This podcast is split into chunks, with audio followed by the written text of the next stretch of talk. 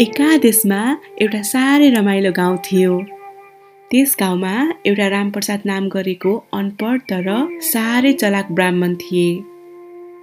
उसले आफ्नो चालाकीबाट सबै गाउँलेहरूको मनमा यी ब्राह्मण बहुतै विद्वान छन् भन्ने कुरा विश्वास पैदा गरिदिएका थिए। गाउँलेहरूले पनि कथा पुराण पूजा पाठ गर्नलाई त्यही ब्राह्मणलाई बोलाउँथे। एक ताकाको कुरा हो। चतुर्मासीको दिन गाउँमा भागवत पुराण लगाएका थिए।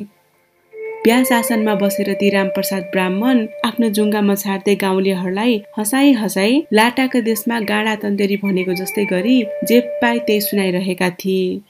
गाउँलेहरू पनि मक्ख परेर सुनिरहेका थिए। त्यसै बेलामा आचार्य पास गरेर घर फर्किँदै गरेको एउटा ब्राह्मण त्यहाँ आइपुग्यो। अनि ती विद्वान ब्राह्मणले ओहो पुराण लगाएको रहेछ। सुनेर जान पर्यो भन्ने विचार गरेर पुराण सुन्न बसे। रामप्रसाद ब्राह्मणले साह्रै अशुद्ध पुराण वाचन गरेको सुनेर उनलाई साह्रै रिस उठ्यो अनि उसले मनमा नै भन्यो यो ढोङ्गी मूर्खलाई सजाय नदी भएन। जब पुराण सकियो सबैले फुलप्रसादी लिए अनि ती विद्वान पण्डितले पनि फुलप्रसादी लिए। त्यसै बेला रामप्रसाद पण्डितले आफ्नो जुङ्गामा छाडिरहेको थियो र एउटा जुङ्गा भुइँमा खस्यो। विद्वान पण्डितले तनपत्त त्यो जुङ्गा लिएर आफ्नो धोतीको टुप्पोमा बाँध्यो। गाउँलेहरूले यो दृश्य देखिरहेका थिए। अनि त्यो मध्ये एकजना गाउँलेले सोधे तपाईँले त्यो जुङ्गा किन लिनुभएको? अनि विद्वान पण्डितले भने ए यो जुङ्गा? तपाईँहरूलाई थाहा छैन?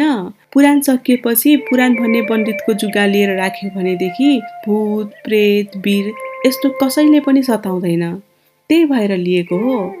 जब विद्वान पण्डितले यति के भनेका थिए सबै गाउँलेहरूले रामप्रसाद पण्डितलाई घेरे र सबैले एक एक गरेर उसको जुङ्गा उखाल्न थाले। बिचरा रामप्रसाद पण्डितको एउटा पनि जुङ्गा बाँकी रहेन।